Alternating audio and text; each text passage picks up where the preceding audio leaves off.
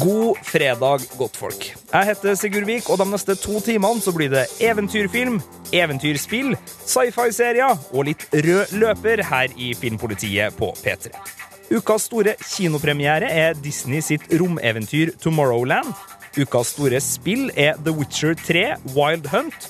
Og ukas store TV-serie er Netflix-serien Between.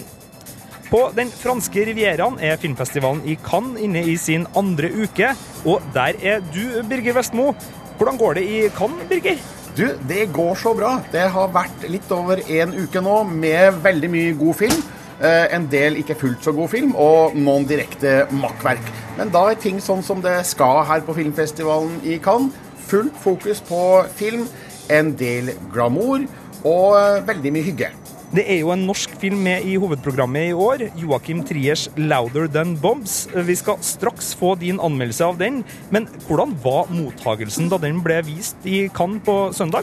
På pressevisninga så var det avmålt uh, applaus. Ingen buing, uh, men heller ikke ekstatisk jubel.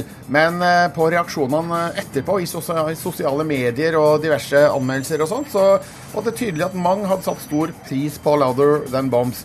Det gikk enda bedre da den hadde sin offisielle gallavisning mandag.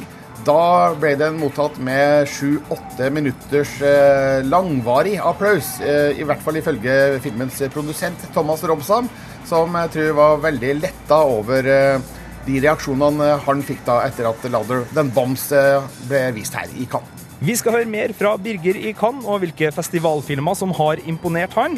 Og om noen minutter så skal du få Filmpolitiets anmeldelse av den norske Cannes-filmen 'Louder Than Bombs'. Filmpolitiet anmelder film. You know that meeting I had this morning? Well, Richard was there. You, you remember Richard, don't you? Well, he's, he's going to be writing this article, and um, it just reminded me that there was some stuff that you and I, we just needed to, to talk about. 'Louder Than Bombs' er en stille, vakker og poetisk film om en sorgprosess i stampe. Joakim Trier har igjen regissert en film der stemninga, episoder og tankerekka går opp i en høyere enhet. Historien, som Trier har skrevet sammen med Eskil Vogt, er full av innsikt og livsvisdom om en familie som ikke makter å kommunisere med hverandre. Filmens tittel spiller på det usagte. Stillheten smell høyt. Vi møtte en familie i ruina noen år etter at mora Isabel, spilt av Isabel Huppert, omkom i en bilulykke. Hun var krigsfotograf, og nå går enkemannen Jean, spilt av Gabriel Byrne, og eldstesønnen Jonah, spilt av Jesse Eisenberg, gjennom bildene hennes foran en fotoutstilling. Moras journalistkollega Richard, spilt av David Strathairn, vil skrive en stor artikkel i den anledning, og far og sønn må derfor vurdere om de skal fortelle yngstesønn og lillebror Conrad, spilt av Devin Druid, sannheten om moras død. She's nice. The girl at the party. Is she a girlfriend? Joakim Trier forteller ikke en kronologisk historie. Den gjør stadig tidshopp i virtuose sekvenser, godt klippa av Olivier Bugge Coté, der fortid og nåtid glir over i hverandre, som for å understreke hvordan det som var, fremdeles preger figurene. Den formidler tanker og følelser i fine enkeltsekvenser, som når Konrad fantaserer om sin mors død i klasserommet gjennom tekst som blir stotrende opplest av en medelev. Filmen har òg innslag av smart humor, som av og til frigjør oss fra alvoret. You know, if I had a girl, I'd never lie to her. Yeah. Good luck with that. Trier har brukt internasjonalt anerkjente skuespillere, og all underspiller dramatikken med avmålt og presist spill. Gabriel Byrne spiller faren som ankeret som ikke finner feste, og veit det. Jesse Eisenberg spiller den tapre sønnen som tilsynelatende har funnet roen, men kanskje ikke. Og Devin Druid er den sårbare og usikre ungdommen som kanskje er sterkere enn far og storebror tror. Isabel Huppert er dyktig i sine mange korte scener, som antyder at mora, til tross for flyktig tilstedeværelse, likevel var limet som holdt familien sammen. I'm glad I came. I had fun. Recently I felt really tired. Filmen er kanskje ikke så frisk og leken som reprise, ei heller rammer den like knallhardt emosjonelt som Oslo 31. august gjorde, men det var trolig aldri målet heller. Louder Than Bombs viser igjen at Joachim Trier er en filmstemme med en verdifull særegenhet, mye takket være manussamarbeidet med Eskil Vogt. Jakob Ires nære og vare foto, Ola Fløttums underbyggende musikk, Gisle Tveitos stemningsfulle lydbilder, gode skuespillerprestasjoner og solid, selvsikker regi har resultert i en kompleks og tankefull film som beveger og rører uten å rope høyt. Right, stop. Stop this. Stop it. Terningkast fem. Filmpolitiet. Filmpolitiet. Les mer om film, spill og serier på p3.no Filmpolitiet. Louder Than Bombs deltar i hovedprogrammet på filmfestivalen i Cannes. Birger Vestmo har møtt regissør Joakim Trier før filmen ble pakka ut for pressen sist søndag, og spurt om deltakelsen er full jackpot for filmen og for Trier sjøl. Ja, det er jo litt det. Altså, gans, altså, det vi er jo en gjeng med veldig sånn filmentusiastiske folk. Vi er opptatt av å se film også, så det å vise her kunne vel ikke vært bedre. Ja, når skjønte du at eh, det var en mulighet for at eh, Louder Than Bombs eh, kunne komme hit? Altså det, det, som er litt morsomt, er jo at Eller vi, det, det ble sånn hypet på forhånd i ganske, ganske, mange steder. Og det er jo sånne hypes som man ikke helt vet du kommer fra. Og ingen av de hadde jo sett filmen. Ingen av dem som, som skrev disse bloggene rundt omkring på nett og sånn. Så etter hvert når det nærmet seg visning for Cannes-komiteen, så ble jo jeg ganske nervøs. For da ble det plutselig sånn Vi kunne liksom ikke gå under radaren og ikke komme med. Det var ganske nervepirrende. Det var sånn Hvis ikke vi kom med, så kom det til å bli kommentert. Så når vi da fikk telefonen om at utvelgelseskomiteen var veldig begeistret for filmen, så var det en skikkelig lettelse. Og på det tidspunktet var jeg så sliten. Fordi vi hadde, vi hadde jobbet hele vinteren. har vi klippet, vi har fargejustert, vi har jobbet med lyd osv. Og, så og vi har jo lagt opp et løp hvor vi skulle prøve å rekke det hvis vi var heldige å komme. Eh, så heldig, heldigvis så klarte vi å holde det. Det var godt vi hadde tenkt og håpet og trodd. da.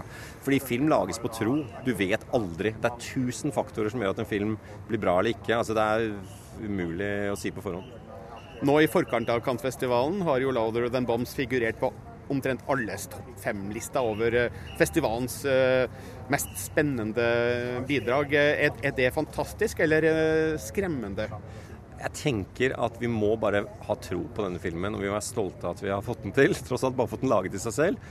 Og så tenker jeg at uh, de fantastiske menneskene jeg har jobbet med før, ikke sant? sånn Anders Danielsen Lie og alle de kule folka jeg har laget film med før, det er, veldig, det er jo det er mye pga. de filmene at folk har tro på denne. Så de får ta det som en stor klapp på skulderen, tenker jeg. Og så håper vi vi lever opp til det. Det blir gjenstår å se. Jeg syns jo at presentasjonen her er veldig gøy. Samtidig så er det noe litt litt ubehagelig med det der konkurranse- og sammenligningselementet. At vi liksom skal konkurrere. Eh, det er jo hyggelig eh, for de som får en pris, men det er jo også sånn som Jeg syns det var veldig fint det juryen sa. At de er jo ikke her for å hate noen eller si at noe ikke er bra, men de er her for å uttrykke sin personlige smak og for å gi et klapp på skulderen til, til filmer de liker. Din forrige film, 'Oslo 31.8', deltok jo også her i Cannes i sideprogrammet 'Øser tær i gard'. Ja. Nå er du i hovedprogrammet. Merker du noe forskjell mellom eh, de to deltakelsene? Ja, dette er liksom eliteserien litt, og jeg er klart jeg merker det. Det er eh, veldig veldig, veldig veldig mye internasjonal press og, som er interessert. Eh, nå skal, liksom, alle disse filmene er jo de som blir slått opp stort hver dag på alle i Variety Hollywood Report osv. Liksom, var, var, var, gårsdagens visning en god film, en dårlig film? Altså, det er veldig mye sånn drama rundt filmene, og det, det merker jeg mye oppmerksomhet. Det sa Joakim Trier til Birger Vestmo i Cannes i Frankrike.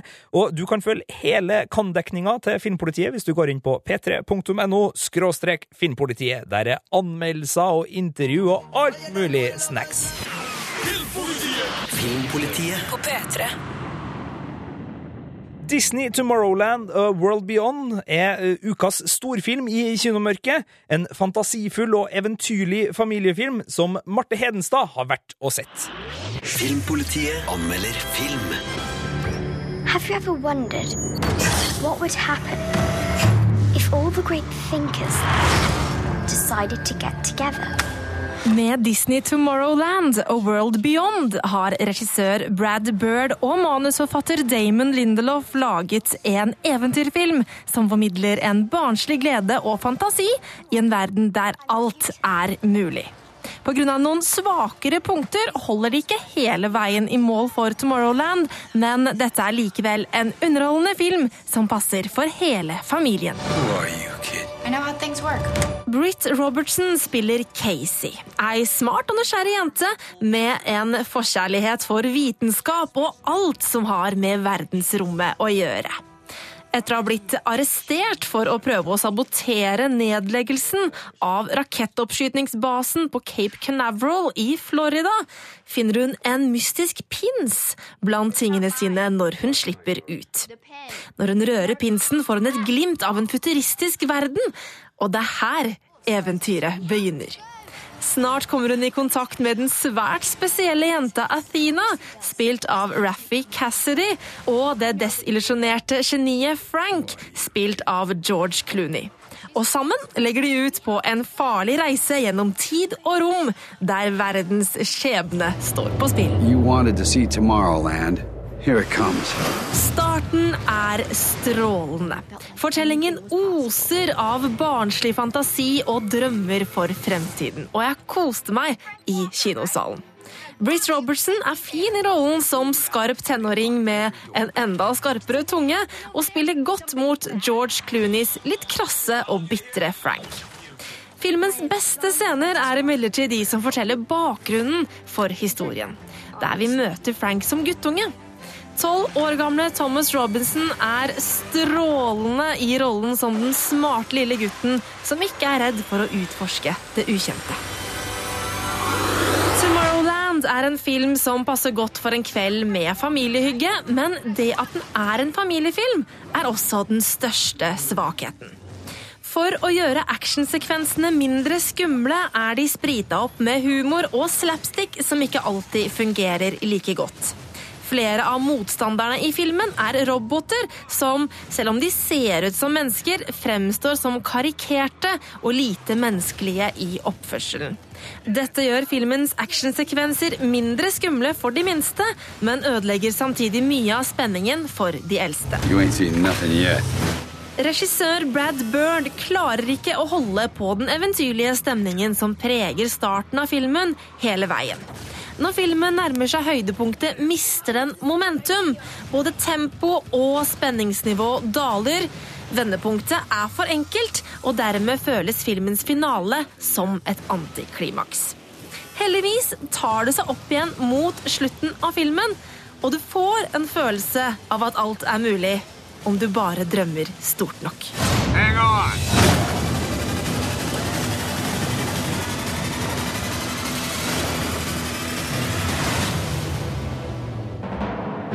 Terningkast fire. Filmpolitiet.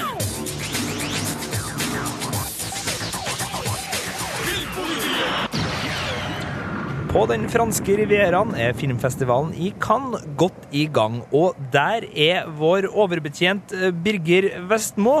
Bonjour. Hallo, Birger. Hvordan går det? Det går kjempefint. Jeg merker jo at festivaltrøttheten kommer sigende. Det kan vel alt som har vært på en lang festival av et eller annet slag eh, kjenne seg igjen i. Men eh, jeg skal nok holde ut et par dager til. Godt å høre, Birger. Men over til, til filmen. Har det utpekt seg noen noe favoritter så langt? Jeg har noen eh, favoritter, altså. Noen som virkelig eh, satte spor. Eh, Jeg kan jo f.eks. nevne narkotrilleren 'Sicario' av Dennis Villeneuve, der Emily Blunt spiller en politikvinne som blir med i en hemmelig CIA-operasjon for å ta knekken på et meksikansk narkokartell. Det var en sterk, spennende thriller. Ganske brutal også, men den, den likte jeg. Den var solid. Jeg hadde også stor sjanse for Carol med Kate Blanchett og Rooney Mara. Det er et drama av regissør Todd Haynes lagt til New York i tidlig 1950-åra. eh, Der de to da spiller kvinner som innleder et forhold til hverandre. eh, I en tid der eh, kjærlighet mellom to av samme kjønn ble ansett som ja, sykt og kriminelt. Så det var et godt drama. Velspilt, veldig stilig, sofistikert og elegant. Så der var det mange kvaliteter som eh, kan gjøre at Carol er langt opp i prissammenheng nå, når Gullpalmen og andre Cannes-priser deles ut på søndag. Eh, Jeg kan også nevne vår egen eh, film, altså 'Louder Than Bombs', som jeg anmeldte tidligere i sendinga. Den, den er også veldig nydelig regissert av Joachim Trier. Et lett gjenkjennelig virtuost filmspråk for de som husker Oslo 31. august og, og reprise, og det er det mange som gjør. Men min absolutte favoritt under hele Cannes-festivalen, Sigurd, den heter Soul Fia. The Son of Soul på, på engelsk. Det er en ungarsk film. Og eh, tematikken her er forholdsvis mørk og trist, men eh, skal jeg beskrive det likevel? Gjør det, Birger. Ja, Det handler da om en eh, jødisk fange i en konsentrasjonsleir under andre verdenskrig som er satt til å gjøre de eh, skitneste jobbene for nazityskerne. Altså, Han rydder opp i gasskameraene etter at de har vært eh, i bruk, for å si det sånn. Eh, der finner han en dag liket av en ung gutt som han mener er sin egen sønn. Og starter da et eh, farlig arbeid for å holde liket av denne gutten unna forbrenningsovnene og få han gravlagt på vanlig vis. Eh, Så dette er knallhard tematikk, og det er vanvittig sterkt regissert av Laslo Nemes. Med et eh, intenst filmspråk som eh, virkelig gjør at man sitter lamslått tilbake i kinosalen. og jeg vet ikke om det høres ut som en anbefaling, men det er virkelig en av de sterkeste filmopplevelsene jeg har hatt på lenge. En klar sekser på terningen, og jeg vet at filmen allerede er kjøpt inn til Norge av Arthouse, som skal få den ut på kino en gang til neste år. Så eh, dette er de aller beste filmene, men eh, det har vært noen ikke fullt så gode også. Ja, altså, jeg vet jo at av og til så bues det i Cannes. Jeg skal absolutt ikke be deg om å bu her, Birger, men, men har det vært noen, noen skuffelser for deg sånn eh, personlig? Ja, det har det. Det var, det var litt eh, trist å se The Sea of Trees med Matthew McConaughey i regi av Gus van Sant. Eh, det handler om en eh, suicidal amerikaner som rett og slett drar til en japansk skog ved foten av Fuji-fjellet for å begå selvmord. Møtte da en japaner eh, som har gått seg vill i skogen, og så utvikler det seg da til et eh, ja, et eh, litt banalt såpedrama der vi ser hvordan eh, figur uh, sleit i ekteskapet med kona si, spilt av Naomi Watts. Og masse svulmende strykere etter hvert. og det er mange som stusser over at denne filmen eh, er i hovedprogrammet i Cannes, men det kan være fordi at eh, festivalen trenger å fylle opp eh, Hollywood-kvota si. Ellers så var jeg også ikke begeistra for Paolo Sorrentinos Youth, som jo da er hans første film etter suksessen med Den store skjønnheten. Eh, Jeg vet at mange i Cannes har likt filmen, men for meg så ble den altfor eh, sprikende og fragmentert og eh, Ja, det ble mye, det ble mye tull, rett og slett. eh, Som eh, Det handler om eh, å bli gammel og se livet i, i kontrast med de unge man har rundt seg på et eh, alpehotell i Sveits. Eh, flott foto, men jeg syns at handlinga ble for tam og for springende. Så det var en skuffelse for meg. Og én skuffelse til til slutt. Jeg så da en pornofilm her, rett og slett. Jeg må innrømme det. 'Love' av Gaspar Noé, som ble vist utafor konkurransen. Eh, det var en eh, midnattsvisning her natt til torsdag som var eh, Det var en kamp å komme inn på den. Men det publikum fikk se, det var en platt og banal kjærlighetshistorie. Flott filma sex, ja, men det hjelper ikke når handlinga er kjedelig, filmen er altfor lang, og skuespillerne som gjør sine debuter her, de makter ikke å gjøre noe interessant med, med figurene de spiller. Så Gaspar Noés Love, det var, det var en skuffelse, så det må vi ta med oss videre, og så slipper vi å høre noe mer om den. Og hvis du har lyst til å lese anmeldelser av de her eh, filmene, eller lese intervju som Birger har gjort i eh, Cannes, så er det bare å gå inn på p3.no filmpolitiet. Der er det masse snadder fra filmfestivalen. Filmpolitiet. Dette er P3. Marte Hedenstad har kommet inn i studio, og nå skal vi snakke om ting vi har sett på siste uka. Ting Oh, vi har kosa oss med. Marte, Du er jo glad i å kose deg, det vet jeg. jeg er veldig glad i det, altså. Og Hva har du kikka på? Jeg driver jo og fortsetter med dette Elementary-maratonet mitt. da. Jeg, jeg så jo første sesong i Netflix, og nå driver jeg og fortsetter på DVD på sesong Skal jeg bare stoppe deg der, for du har snakka om Sherlock Holmes-serien Elementary sånn cirka hver eneste uke den siste. Den er veldig bra. Jeg er helt enig med Elementary er bra, men har du sett noe annet, Marte? Eh, ja, ok. Jeg, jeg, har jo, jeg har jo vært eh, på kino uh, og sett en av ukas kinopremierer. Uh, og det er en ekstremt trivelig liten fransk film som heter La famille Bellier, eller Familien Bellier. Du verden. Hvilken film er det? Du, det her er en, eh, en dramakomedie som handler om en 16 år gammel jente som heter Paula, som er den eneste i familien eh, på fire som kan høre. Mor, far og bror er døve. Ehm, og Paula fungerer da som tolk da, for familien i, i alle mulige rare, rare situasjoner, men så blir det da på en måte et lite problem når hun finner ut at hun kan jo faktisk synge, og er faktisk så god til å synge at hun kan komme inn på en sånn eh, veldig sånn prestisjefull eh, sangskole i Paris. Da blir det drama i familien. Og eh, foreldrene til Paula, eh, de er veldig sånn tøyste og tullete. Eh, eh, på en måte. Noen ganger så går det litt sånn for langt, da. Eh, Fordi at de på en måte skylder på at ja, men vi er døve, så vi på en måte kan Vi forstår ikke alle disse situasjonene som de som hører, eh, gjør. Og derfor liksom gjør de veldig mye rare ting. Som for eksempel eh, moren til Paula er veldig opptatt av at hun må få mensen, for at hun er 16 år og ennå ikke fått mensen. Eh, og når hun da endelig får det, eh, så klikker det for mora, og så løper hun rundt med olabuksa med blodflekk i og liksom viser til alle. For sånn, Se, endelig har hun fått mensen! Eller hun sier jo ikke det, hun, hun øh, gjør det i tegnspråk, veldig engasjerende. Og det blir litt sånn stakkars Paula, dette her går jo ikke an. Eh, og da liksom bryter hun ut. Å, altså dere kan ikke gjøre hva dere vil bare fordi dere er døve. liksom, At hun blir litt sånn frustrert. Så det er ganske mange morsomme situasjoner da i denne filmen. Jeg fikk veldig lyst til at det her skal være en musical nå, hvor hun synger mens mora springer rundt Ja, med Nei. det- nei. Er det litt kleint? Noen ganger er det litt kleint. Noen ganger så går den derre um, tøysetheten til foreldrene litt for langt. Du har anmeldt nå, Ligg ut på p3.no filmpolitiet. Mhm. Der kan dere lese hele anmeldelsen. Jeg har sittet og sett TV-serie, jeg og Marte. Ja. Jeg gjør stort sett det. Det er rart, det der. Ny serie på, på Netflix som kom denne uka. Ja, ja. Between. Jeg er veldig spent på den. Ikke sett den ennå. Nei, men du har, du har kjennet til premisset. Ja, altså, det er jo veldig sånn eh, speisa premiss. Altså, vi er i en by hvor det skjer et eller annet sånn at alle over 21 år dør, eller noe sånt. Absolutt. Ja. Det er en småby, uh, Perfect Lake, som bare plutselig så begynner voksne å dø som fluer. Og så er liksom alle under 21, de klarer seg. Ja.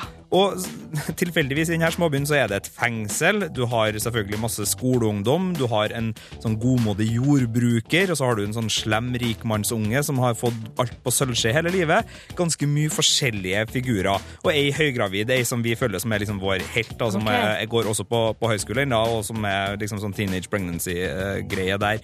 Og det er veldig fascinerende. Jeg har bare sett første episoden, det er Jensen som ligger ute på Netflix nå, men det er en, som en sånn trykkoker som, av et sånn minisamfunn som bare Du bare legger på press, skrur til, og så ser du hva som skjer. Og det, det ser veldig lovende ut, fordi de, det er ingen som vil ha noe med disse tenåringene her å gjøre. Men Altså, det er bare i ja, ja, ja. denne byen, ikke sant? Folk er livredde for å bli smitta, så det er liksom sånn svære gjerder rundt denne byen. Det er et utrolig kult bilde der du liksom bare zoomer ut av byen og ser det fra himmelen. Og ser liksom om natta så ser du liksom det lysgjerdet som bare runder inn. Så her skal alt foregå. Det er ingen som flykter herfra. Og sånn narkotikalangeren i bygda prøver liksom Han blir stoppa av militæret når han prøver å forlate byen, da. Men de bare sender han tilbake med drugs og gunnere og alt. Bare sånn, ja, ja, ja, ja. bare kos deg inn igjen. De tar ikke fram pistolene engang, liksom. Nei. Så det kan bli superbra. Det har masse potensial. Det kan også bli noe helt annet, selvfølgelig. Det er vanskelig å si etter en episode. si, men det er mye klisjeer her. Men det er et veldig godt tempo, veldig godt driv, så jeg har trua på Between. Altså. Jeg, jeg, Spent på den, altså. Ja, veldig spent på den. Der også, skrevet om den, da. Så bare gå på p3.no, Check it out. skråstrek Filmpolitiet, og sjekk det ut. Filmpolitiet på P3. Filmpolitiet anmelder film. This is how we do it. Jeg syns a cappella-komedien Pitch Perfect fra 2012 var knallartig, med herlig musikk og friske sprell. Oppfølgeren Pitch Perfect 2 tar vare på sanggleden og det sjarmerende samholdet mellom korvennegjengen, men dessverre så har oppfølgeren dårligere historie, mindre dramatikk, dårligere vitser og litt kjedeligere musikk, rett og slett. Um, it turns out like totally not good enough to be a music producer, which is cool and fun to know as I enter the rest of my life. Da vi forlot The Barden Bellas, det er vår kjære a cappella-gruppe, sist, så hadde de akkurat trossa umulige odds og vunnet det amerikanske college-mesterskapet. Nå, tre år etter, så har de gjentatt den bragden flere ganger og landa spillejobb for selveste president Obama. Dessverre så ender den spillejobben i et skandaløst sceneuhell med påfølgende offentlig utskjemmelse. I will do whoever it takes in order for us to get back to the top. You mean whatever it takes? Yeah. Gruppa blir kasta ut av alle nasjonale konkurranser og oppvisningskonserter, og alle de prestisjefylte korjobbene går til de brekkekle tyske europamesterne i Das Sound System. Det eneste hårstrået av en vei tilbake de Bellas har, er da å vinne VM. Men siden de her brekkekle tyskerne er latterlig overlegent gode, så er det en helt umulig oppgave. I hvert fall på papiret. We're gonna kick your ass. I'm sorry, I don't speak loser. What did you say? She actually speaks eight languages, but loser is not one of them. Hovedhistoria er altså tydelig og grei. Overkom umulige odds, vinn VM, bli helter. Dessverre så tråkkes den historien ned i skuldertrekkenes rike av mange småhistorier som er ment til å krydre, men som dessverre gir filmen en veldig dårlig rytme. Your mother is Catherine Junk? Who? Only the top bitch of the 1981 Bellas. Det er også et problem at det mangler et ordentlig vendepunkt i filmen.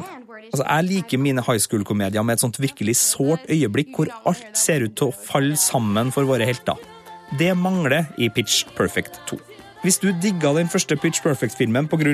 musikknumrene og kjemien mellom rollefigurene i venninnegjengen, så er det her absolutt en film å se, for den funker veldig bra på det planet. Men kjedeligere humor og mangel på god underholdende dramatikk gjør Pitch Perfect 2 til en lettglemt oppfølger som aller mest føles som et slags minnealbum over hvor god film nummer én egentlig var. Crushed it.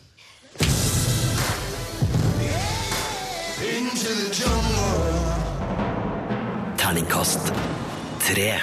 Filmpolitiet. Does that sound good to you? På P3. Nå skal vi tilbake til filmfestivalen i Cannes her i Filmpolitiet. Pete Doctor er mannen bak flere av Pixar sine mest populære filmer. Han skrev manuset på de to første Toy Story-filmene, hadde regi på Monsterbedriften og Se opp, og nå er han aktuell med en ny animert film kalt Innsiden ut, hvor handlinga foregår i hodet til ei elleve år gammel jente. Birger Vestmo har møtt Pete Doctor på filmfestivalen i Cannes, og spurt regissøren hvordan han fikk denne litt merkelige ideen. I'm joy. This is sadness. That's anger. This is disgust. And that's fear. Well, it kind of started watching my daughter grow up. She was um, uh, 11 when we were starting, and she was a really, before that, up to that point, a very active, energetic, funny, goofy kid. And then we started seeing a much more kind of quiet, withdrawn side, and I thought, oh man, what's going on in her head? You know, because I went through that as a kid. I remember being through some very difficult, dark days in junior high. My folks moved us when I was in fifth grade. We, we moved to Denmark. So in fifth grade, at about Riley's age, I was plopped in the middle of Danish school, didn't speak the language, literally didn't understand what anybody was saying for a good month or so. And uh, so I felt completely out of step there. By the time we got back to the United States, to Minnesota, I was out of step there.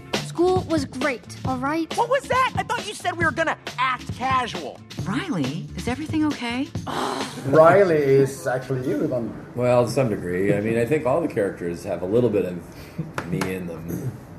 So, but yeah, I mean, it really talks about growing up and the difficulty, and I think uh, a lot of people, most people, can relate to that, either having had that themselves or having kids uh, uh, and watching that. You know, that there's something definitely lost as you get older. There's a complexity to life. There's a richness, so it's not like all bad, but it's uh, definitely some loss and uh, a little tragedy there of the, the, the innocence of childhood goes away.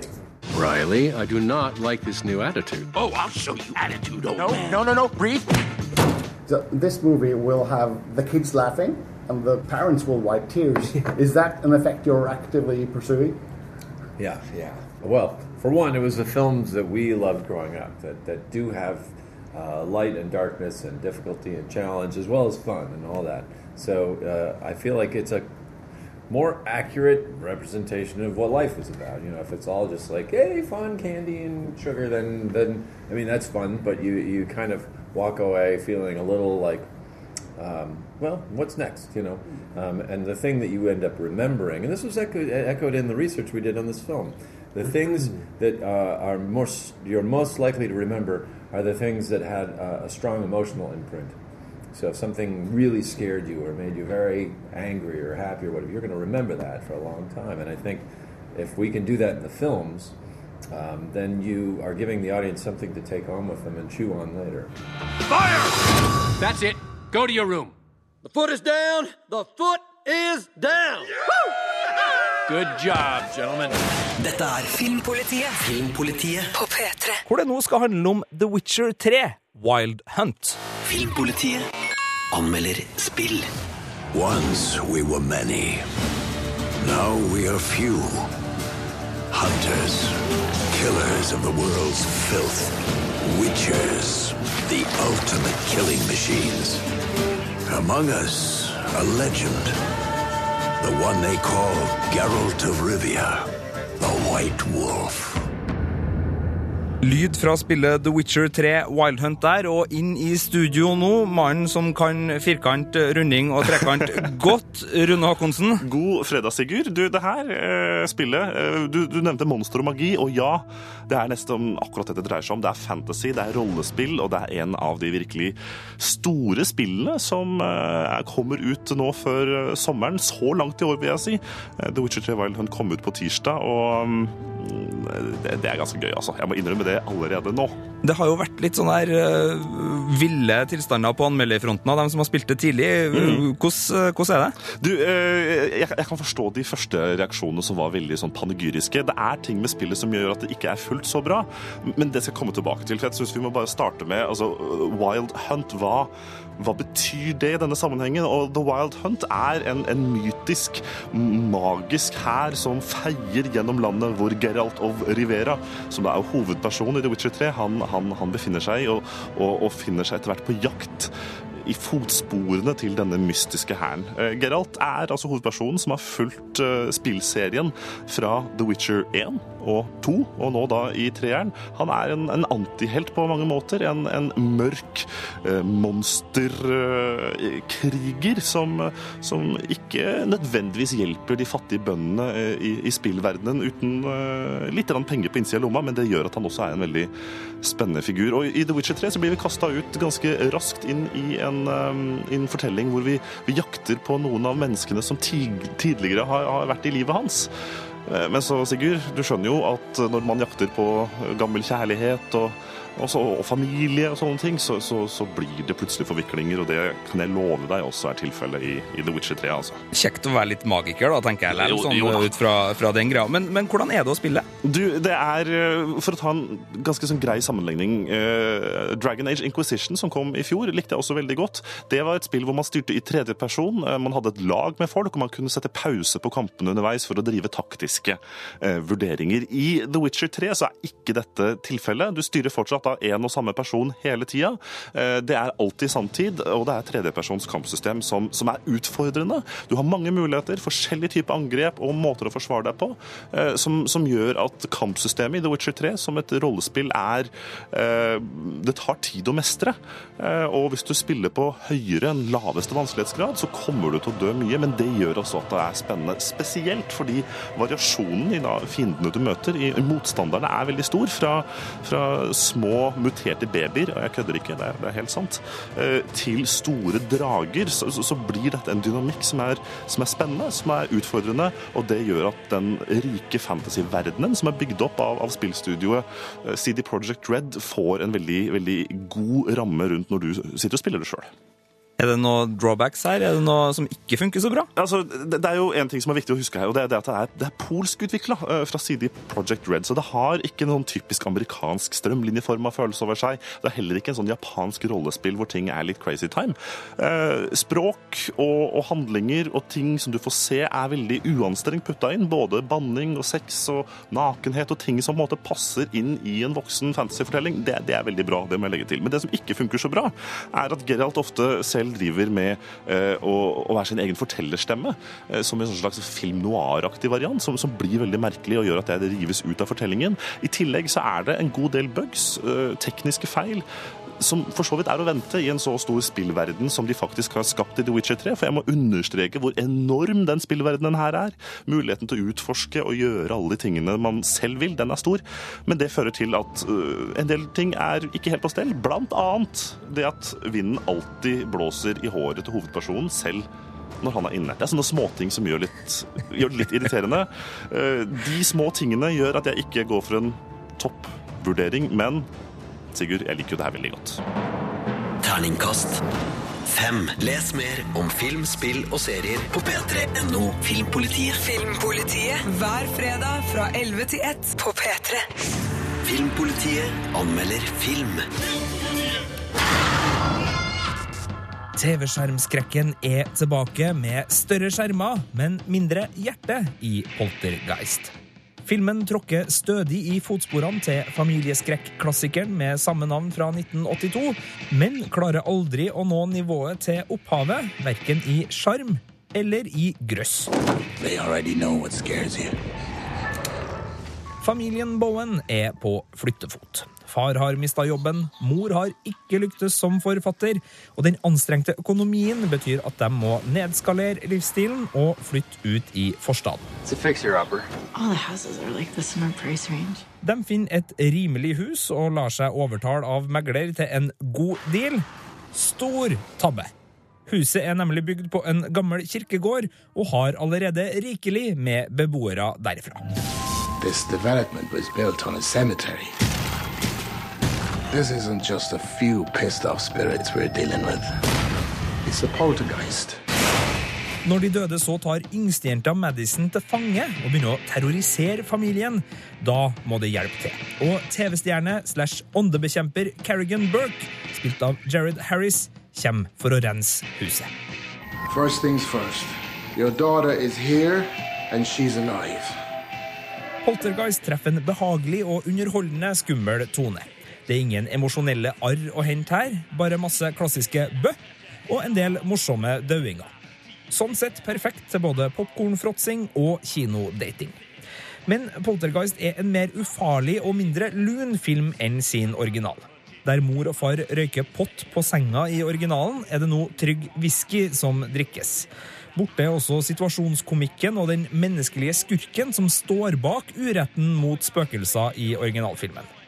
Og den nye Poltergeist tar seg heller ikke tid til å bygge figurene ordentlig. Og det er synd, for Sam Rockwell, som spiller faren, har egentlig masse potensial. Hans galgenhumor og fortvilelse over økonomisk smalhans kunne ha gitt filmen en flott vri på forstadslivet. I 1982 var det nemlig luksus å bo der. Det var bygging av svømmebasseng og det gode liv. Men i 2015 så er forstadslivet synonymt med lavere arbeiderklasse og atskillig bleikere framtidsutsikter. Filmen spenner opp det her på en smart måte i anslaget, men lar oss aldri bli ordentlig kjent med verken far eller nabolaget, og da renner hele det poenget ut i sanda.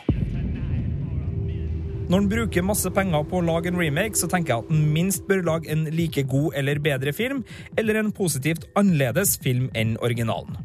Den nye Poltergeist gjør dessverre ikke noen av delene, men det er et flott skrekkalternativ for dem som liker lettkilende grøss uten påfølgende mareritt. They are trapped and desperate, and Maddie is their ticket out. We just want our daughter back. Og så er den jo akkurat perfekt skummelt nok til at det kan være godt å ha ei hånd å klemme på i kinomørket. Så et godt stalltips til kinodaten er den absolutt. Terningkast fire. Hør Filmpolitiet om igjen når du vil. Og last ned podkast på radio nrk.no.